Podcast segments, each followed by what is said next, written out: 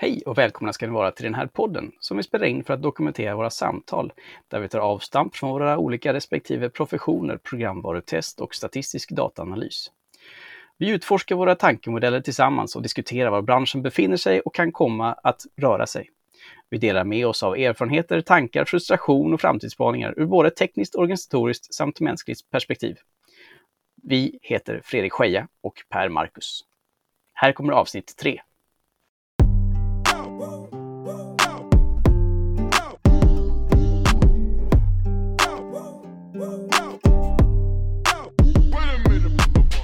Hej Pelle! Har du haft en bra sommar? Ja. Eh, jag låtsas ah. som att fortfarande är sommar. Absolut. Eh, men då kan vi säga att du har haft en bra sommar hittills. Vad bra. Ja, eh, absolut. Min, min, har också varit lysande. Vad hände? Vi diskuterade i förra avsnittet, eh, lite före semestrarna drog, drog igång här, eh, om eh, det här med signifikansnivåer och konfidens. Eh, och, och, vi kanske ska ta en, en liten recap kring, kring, kring vad det var. Eh, skulle du kunna förklara vad signifikansnivå är för någonting och vad det används till? Signifikansnivå är ett mått på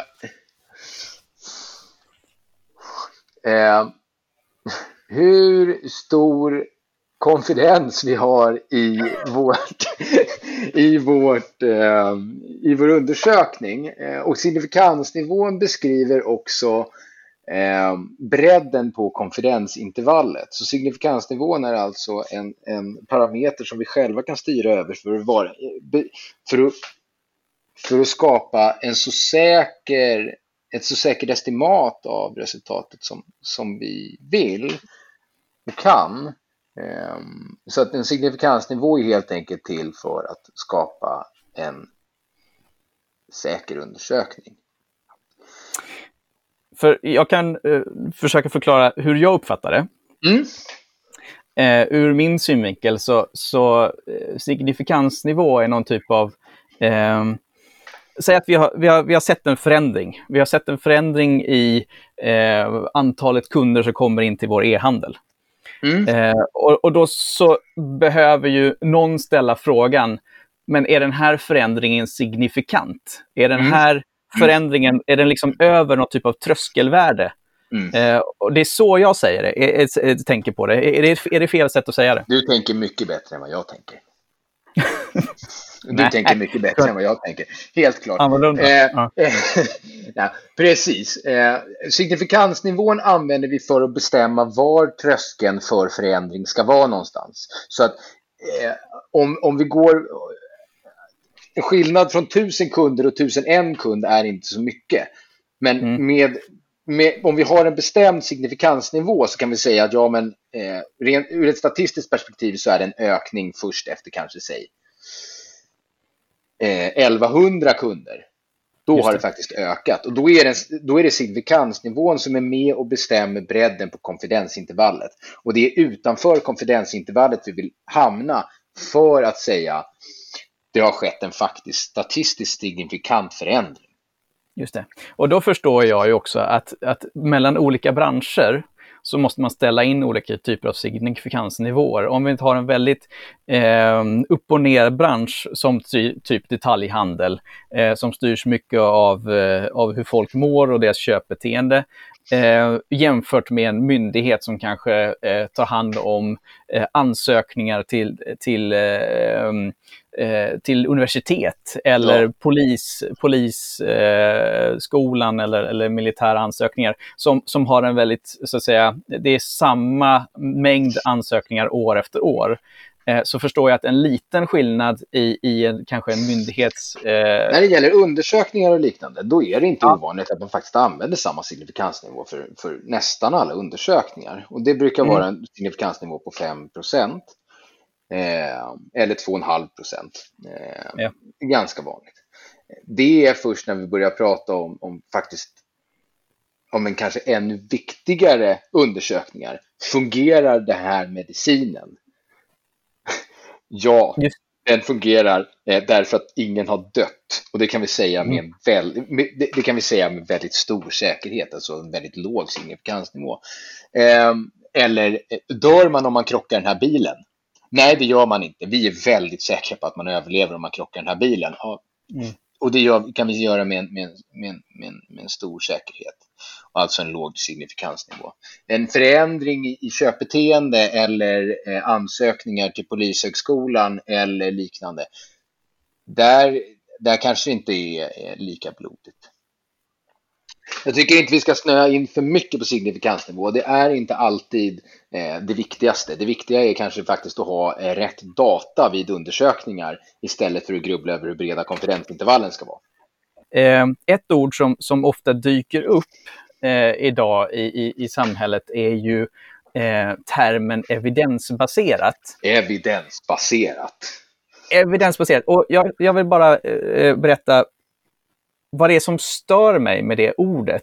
Låt höra. Eh, och, och, det är att det används som ett, någon typ av slagträ för att tysta alla typer av frågeställningar eh, om, om huruvida eh, uttalanden stämmer eller inte. Ehm, Ja, men nu är det så här att, att den, här, den här medicinen är framtagen ur ett evidensbaserat eh, tillvägagångssätt. Eller det här är evidensbaserat, så det är liksom slut på diskussionen där. Eh, och det tycker jag är fel, för evidensbaserat, det borde ju bara betyda att ja, vi har tittat på data, vi har tittat på information, gjort en analys och kommit fram till någon typ av slutsats. Men det är ju inte den ultimata sanningen. Nej, jag eh, som analytiker är ju inte, eh, skulle jag säga, någon som kastar mig med ordet evidensbaserat speciellt mycket. Eh, Nej. Jag låter hellre datan tala, därför evidensbaserat för mig, det kan ju betyda lite vad som helst. Det kan ju vara både hittepå och sanning. Eh, eh och allt däremellan. Eh, mm. Så att jag, jag håller med dig. Jag håller med dig. Det finns en problematik med, med, med begreppet evidensbaserat och hur det används. Eh, lite som att det finns en problematik med, med ordet AI och hur det används. Men, men eh, ja. kära barn har många namn. Ja, men evidensbaserat är ingenting som du använder dig av i naturligt tal när du jobbar som, som eh, data scientist? Så. Nej, framförallt Nej. inte som analytiker eller statistiker. Då skulle jag inte använda evidensbaserat. Jag skulle hellre falla tillbaka på att faktiskt säga vad som är relevant eller vad som är, vad som är signifikant eller inte och vad vi faktiskt mm. kan få ut av datan. Kan jag faktiskt visualisera mina resultat på något sätt? Kan jag, kan jag mm. komma med faktiska bevis och inte bara säga det här är evidensbaserat och därför är det så? Eh, Precis. Det, för, för det jag jobbar med mycket är ju att, att eh, lyssna på folk. Eh, och när de kommer då med en observation till mig eh, och, och, berättar då att jag har sett det här, Ehm, men, men det datan beskriver, eller det som är evidensbaserat, det, det finns ju ett motsatsförhållande där. Eh, låt oss säga att ja, vi, har, vi har sagt att när vi har gjort den här eh, förändringen, eh, säg ett patientjournalsystem, patientjournalsystemet eh, är uppdaterat så att läkaren kan, kan göra eh, elektronisk eh, talanalys där han kan berätta in i datorn, eh, göra en journalanteckning. Eh, och vi har sett att det eh, leder till en, en eh, förkortad tid eh, för, för eh, läkarsekreterarna att få den här inspelningen och den här texten och så kan de ändra.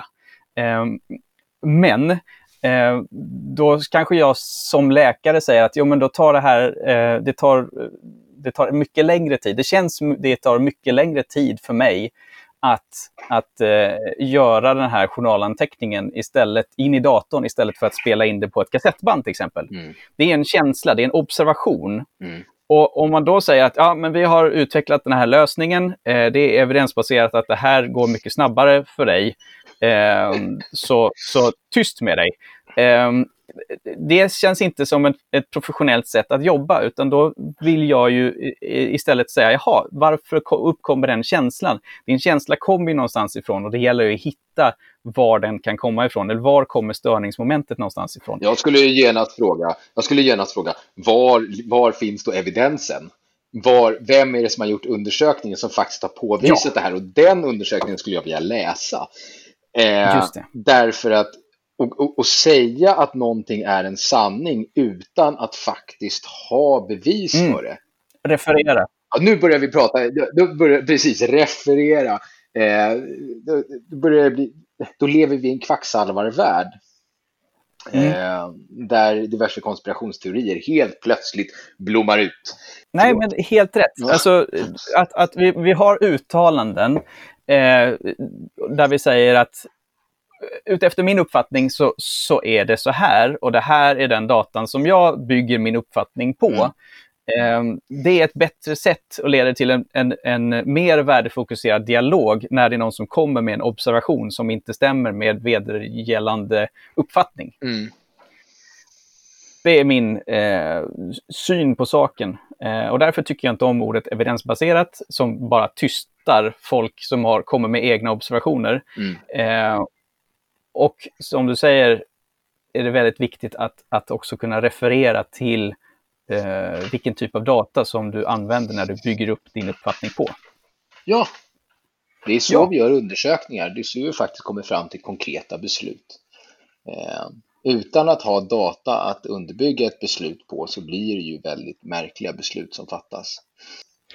Eh, men jag tänker så här att, att eh, vi bör alltid, när vi jobbar professionellt med analys och mm. mjukvaruutveckling eh, så behöver vi kontinuerligt ha ett öppet sinne för det kan vara så att vi har en felaktig uppfattning. Mm. Eh, och, och, en felaktig uppfattning kan ju komma ifrån att vi har helt enkelt observerat eller tittat på datan, analyserat datan och inte haft tillräckligt mycket data mm. eller vi har feltolkat mm. data. Eh, jag tänker på ämnet bias eh, som man använder sig väldigt mycket av. Ja, eh, Skulle du kunna förklara det? Bias handlar... När vi pratar om data och när vi pratar om statistisk modellering, då är ju målet med den statistiska modelleringen att minimera felen i datan. Det vill säga, vi ska göra en så god uppskattning som möjligt för att kunna beskriva resultatet så bra som möjligt. Mm. Men det fel som vi pratar om där, det är vad vi kallar för mätbara fel. Sen så har vi det som kallas för icke mätbara fel. Och det är där biasen kommer in. För när vi samlar in data, då samlar vi inte in all data. Det är helt omöjligt. Vi kan inte få in all data. Och den datan som saknas, den kan vi ju bara liksom anta vad den skulle kunna vara. Till exempel om man mm. tittar på en eh, konjunkturundersökning och det visar sig att ja, men inför valet så kommer eh, presidentkandidat A få si och så många procent och presidentkandidat B får si och så många procent. Den undersökningen är inte sann, utan på valdagen så kommer resultatet vara annorlunda från vad undersökningen säger. Det har att göra med att eh, volatiliteten eller eh, felet i datan som vi inte har stämmer inte överens med vad vi uppskattar att den ska vara. Det är det vi kallar för bias. Så vi har helt enkelt två fel. Vi har de statistiska felen och sen så har vi bias. Statistiska fel, det är de mätbara felen, det som uppkommer i en statistisk modell och bias, det som inte kan mäta. Absolut. Vad, vad, vad, gör, vad är det som gör att vi inte kan samla in all data då? Vad ska vi ta för exempel här? Ska vi ta... Jag tänker så här, och du, hade du exemplet med, med eh, varför skiljer det mellan en, en eh, val... Okej, okay. eh, vi tar en valundersökning igen. Undersökning. Eh, mm. Det finns tusen orsaker till att vi inte har med all data. Den mm. första och enklaste svaret är vi har inte råd. Du kan inte säga att vi har, säg att vi är i Sverige, vi ska göra en valundersökning, vi ska eh, eh, vi ska ta reda på vad svenska befolkningen kommer rösta på på valdagen. Vi skickar ut en undersökning. Nummer ett, mm. vi har inte råd. Vi kan inte skicka ut 10 miljoner undersökningar. Vi är inte 10 miljoner som kan rösta, men nu antar vi att vi är 10 miljoner som kan rösta. Mm. Vi, kan, vi har inte råd att skicka ut dem. Sen så, sen så har du då på första, men, men, så, det, så det är nummer ett, vi har inte råd att skicka ut 10 mm. miljoner. Men ponera att vi skickar ut 10 miljoner ändå, för att helt plötsligt så fick vi, var det någon som gav oss pengar. Ändå så mm. är det bara 30 procent av de här som svarar. Så har du 70 procents bortfall trots att du har skickat ut 10 miljoner undersökningar. Och då ska mm. du skicka ut, då ska du skicka ut eh, nya dokument till de här 70 procenten, de här 7 miljoner människorna. Och sen så håller man på så där tills man får in x antal eh, svar. Och det kostar fantastiska mängder pengar. Det är nummer ett. Nummer två är då, vi vet inte hur vi ska nå alla 10 miljoner. Därför vissa som är folkbokförda i Sverige och har rätt att rösta har ingen adress. Mm. Så hur ska vi nå dem? Mm. Sen så har vi några som sen, så det är nummer två. Nummer tre kan ju då vara till exempel, ja, eh, tant Agda, eh, hon svarar, eh, men hon hinner tyvärr gå bort på dagen, så hennes röst är, den, mm. den är fel. Därför att den personen kom inte och röstade trots att den skulle säga det. Och sen så är det då nummer fyra, det är någon som, någon som säger att de ska rösta på eh, Socialdemokraterna men sen så väljer att rösta på Moderaterna istället på dagen. Så det är många saker som kan förändras mellan den faktiska undersökningen och valdagen. Och alla de här typerna, eh, ja, att man röstar på ett annat parti är inte nödvändigtvis ett bortfall, tänker jag. Kan det vara det? Eh, lite för, förklaringen eh, att, att folk faktiskt ändrar sig. Mm. Eh, det, var, det var mitt eh, första exempel i huvudet, men du, du drog upp det att folk kan ju faktiskt gå bort också. Oh. Men, eh, och, och då, men saken är den att, att det vi samlar in information på i förväg eh, inte behöver vara samma sak som, som vad faktiskt är det själva utfallet är senare. Eh, utan det blir en, en, eh, en uppskattning. Mm. Att folk kan ändra sig eller förutsättningar kan ändras. Det kan ju bara vara en sån sak som att på valdagen så, så var det ett helt annat typ av väder, vilket fick mig att tänka annorlunda mm. eh, och mer mörkare om framtiden. Så då valde jag på det här partiet istället. Eh, bara en sån sak. Och vi kan inte samla in eh, väderdata också för att göra någon typ av ehm, eh, prognos kring hur det kan kan, kan eh, styra folks eh, kynne. Det finns tusen orsaker till att undersökningar blir fel. Okej, okay, men hur eh, förhåller sig det här med valundersökningen till, till begreppet eh, bias då? Jo, men eh, helt enkelt så är det så att alla de som inte svarar i den här, urvars, i den här undersökningen, mm. de, de kommer ju hamna i det vi kallar för icke icke mätbara fel, alltså bias. Därför vi kan, vi kan bara göra antaganden om dem. Vi kan inte minimera de felen på samma sätt som vi kan göra i statistisk modell. Så mm. att de är helt enkelt bias. Alla de som inte svarar tillhör gruppen bias. Så att det vi har tänkt att vi ska göra nu när vi, när vi tittar på, när vi har gjort den här undersökningen, det vi sa att vi skulle mm. kontakta alla, då har vi alltså gjort en populationsundersökning. Vi har sökt mm. alla och vi vill ha svar från alla. Men vi får inte det. Så det vi istället borde göra är det vi kallar för en urvalsundersökning. Och då behöver vi fundera över vilka är det som faktiskt representerar svenska, svenska, eh, svenska befolkningen med rösträtt. Mm. Eh, och då är frågan, hur gör vi det? Och det klassiska är ju att man gör slumpmässiga urval. Det känner säkert du igen. Ja. Eh, och då slumpar vi ut personer. Just det. Och de ska då representera svenska befolkningen. Så att istället för att skicka ut 10 miljoner undersökningar så står det till exempel om du kollar i DN eller, eller någon annan tidning när de har gjort en undersökning så säger de vi har kontaktat 10 000 personer. Mm. Och de 10 000 personerna ska då vara representativa för hela befolkningen. Men det avhjälper ju inte dem, att det, det, finns ju alltid en grupp människor som inte svarar och det kan ju vara en, en specifik grupp människor som inte svarar på sådana undersökningar. Absolut. Och eh, de personerna är då helt enkelt bias i urvalsundersökningen. Mm. Men det är kostnadsmässigt sett mycket rimligare att göra ett urval, ett urval än att titta på allt. Om vi tittar förr i tiden, innan mm. vi hade datorer så kunde vi räkna en biljard eh, eh, beräkningar på ingen tid alls. Så eh, satt till exempel mina, mina professorer på, på en föreläsare på universitetet, de berättade när de satt med papper och penna och så hade de alltså prickar på papper och så tog de en linjal och drog ett streck. Därför mm. det var mm. mycket enklare att göra det än att räkna på 10 000 punkter. ja. eh, så att vi har ju kommit ganska långt och nu är det helt enkelt möjligt för oss att göra stora beräkningar, men det är svårare eller medan det är möjligt att göra eh, mer avancerade beräkningar så är det faktiskt svårare idag att samla in data än vad det var för när det gäller framförallt sådana här, urvals, äh, såna här undersökningar när det gäller, när det gäller politik. Därför folk har inte samma intresse av att svara på sådana undersökningar längre. Nej, och det, det pratar vi också om när vi pratar om användare av digitala produkter. Ja. Eh, för, för du kan inte fråga alla användare vad tyckte du om den här nya funktionen.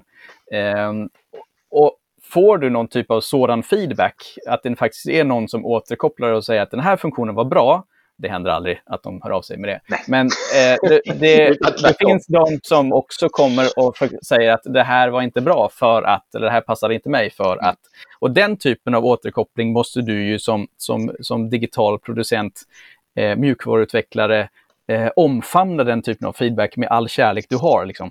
För att mm. det är inte så många idag som, som är redo att faktiskt eh, återkomma om det var någonting som inte passade dem, utan de helt enkelt byter app eller de köper in någon annan produkt. Eh, de, de eh, har inte tid eh, att hålla på och, och, diskutera vad som var bra och dåligt. Vi är omgivna av, av, eh, av företag och människor som vill ha information av oss idag på ett helt annat sätt än vad det var bara när, när Fredrik var barn. Oj ja, oj ja. Oj, ja. Eh, idag så lämnar vi ut information hela tiden. Folk vet alltid vart vi är och vad vi gör och vad vi handlar.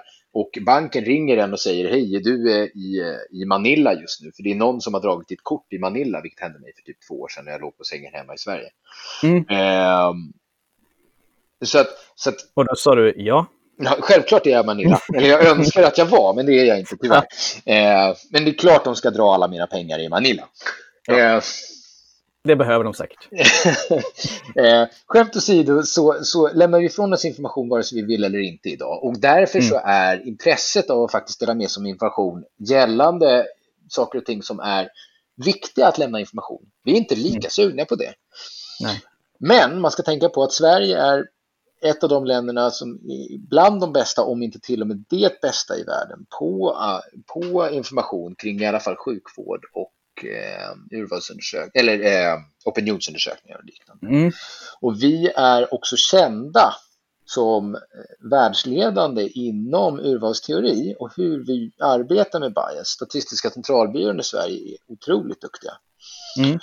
Eh, men det vi, det vi faktiskt, om vi återkommer till det här med att göra urvalsundersökningar, om vi tittar på till exempel, ja. vi pratade om Klarna, Klarna-delen, eh, Klarna-caset förra vändan. Just det. Eh, och då sa vi så här, ja, men är implementationen av den här knappen bra? Och en typisk fråga som du skulle få då, har det funkat? Och vi pratade om att det kanske faktiskt inte var relevant att eh, fråga har det funkat eller inte. Utan det vi kanske är ute efter är då vilka är det som använder den?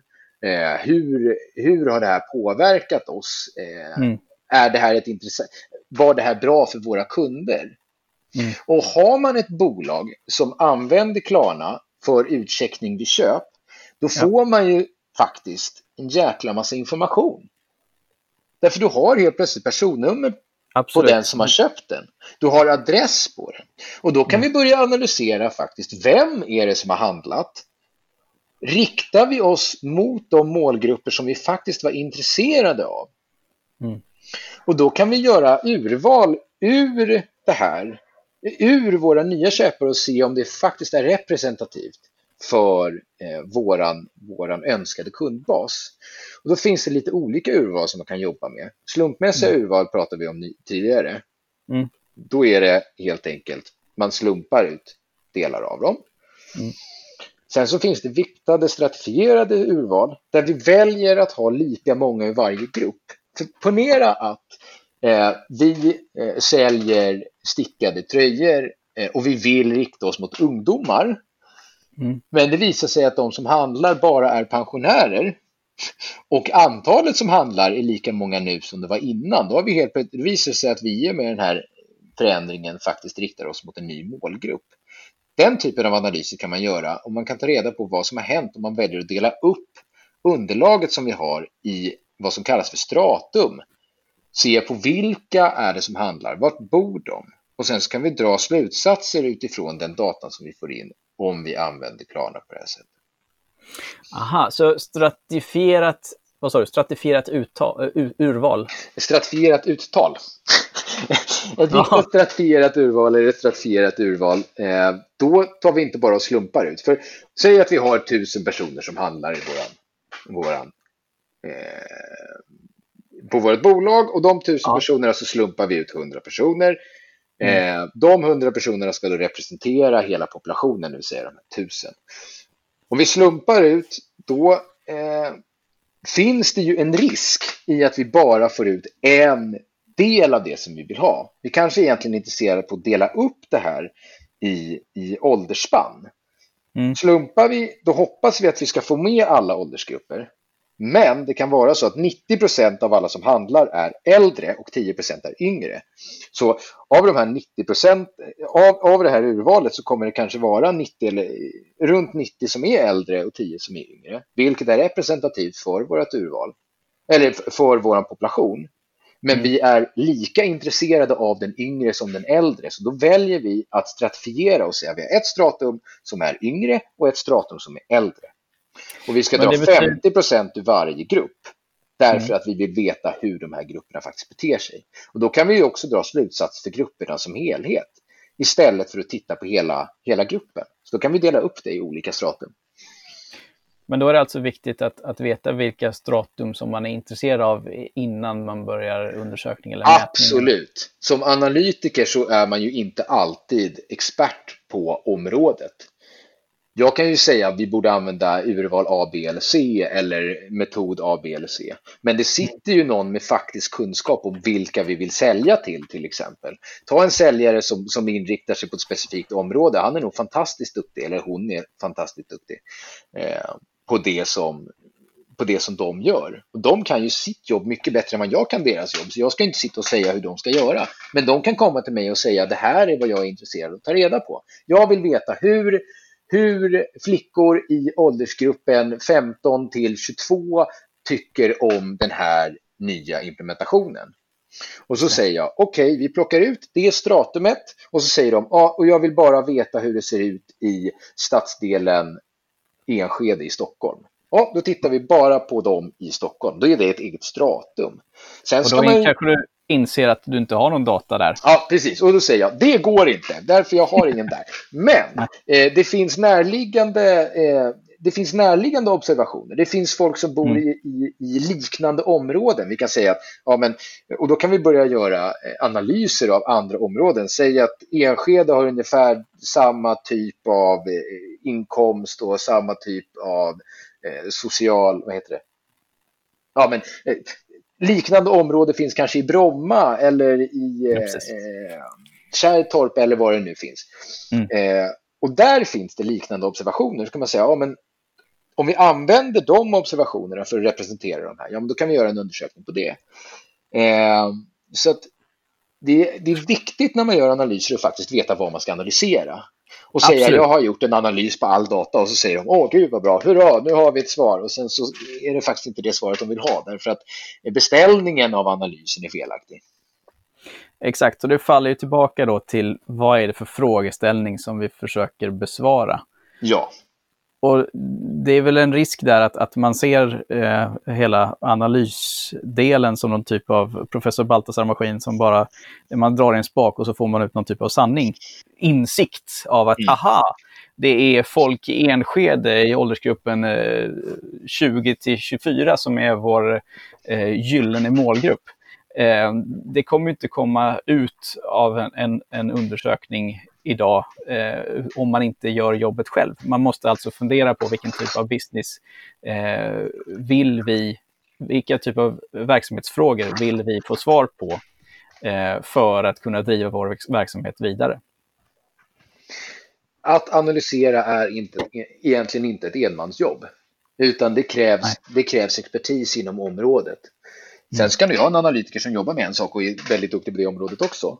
Men jag skulle säga att det bästa sättet att göra en analys är att göra det tillsammans med folk som faktiskt vet vad som folk vill ha analyserat. Eller vad som bolaget vill ha analyserat.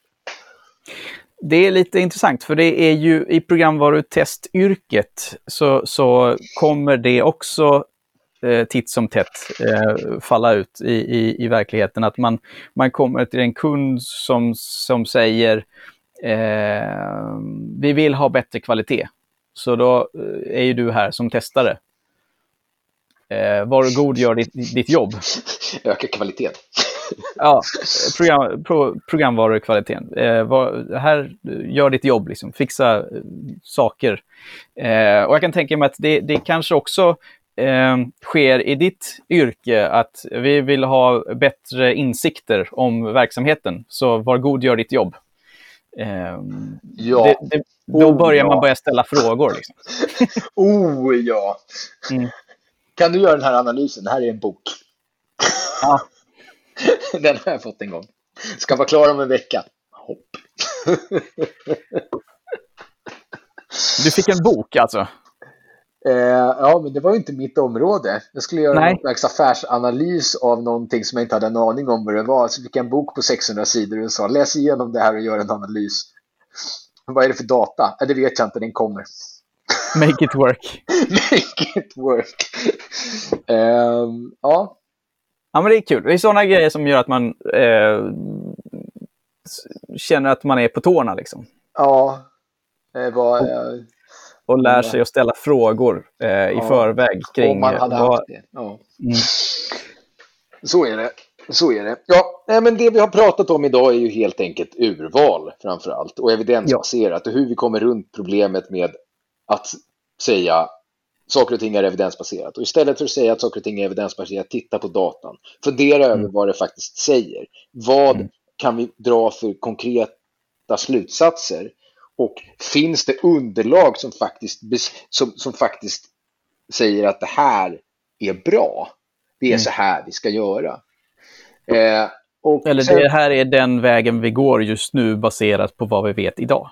Ja. Och sen mm. så har vi pratat om urval, om risken med slumpmässiga urval om att man kan få skeva fördelningar över vad, vad man faktiskt vill undersöka. Och poängen med att fundera över vilka grupper det är man vill undersöka. Bra sammanfattning. Eh, och det här samtalet har verkligen fått mig att börja förstå att den här vanliga frågeställningen som brukar dyka upp efter en produktionssättning som brukar låta som funkar det eller är användarna nöjda nu då med det här? Eh, egentligen borde bytas ut mot en annan frågeställning. Eh, och det är vad har den här förändringen eh, nu möjliggjort för ny kunskap om våra användare? Och att det är en mer relevant frågeställning. För för varje förändring så betyder det att vi lär oss någonting nytt om användarna. Eh, och det är det som är det flytande guldet som vi vill bärga. Bra! Eh, jag tackar så mycket för idag och sen så får vi se vad samtalet leder till nästa gång. Det får vi se. Vi återkommer om det. Hej! Hej!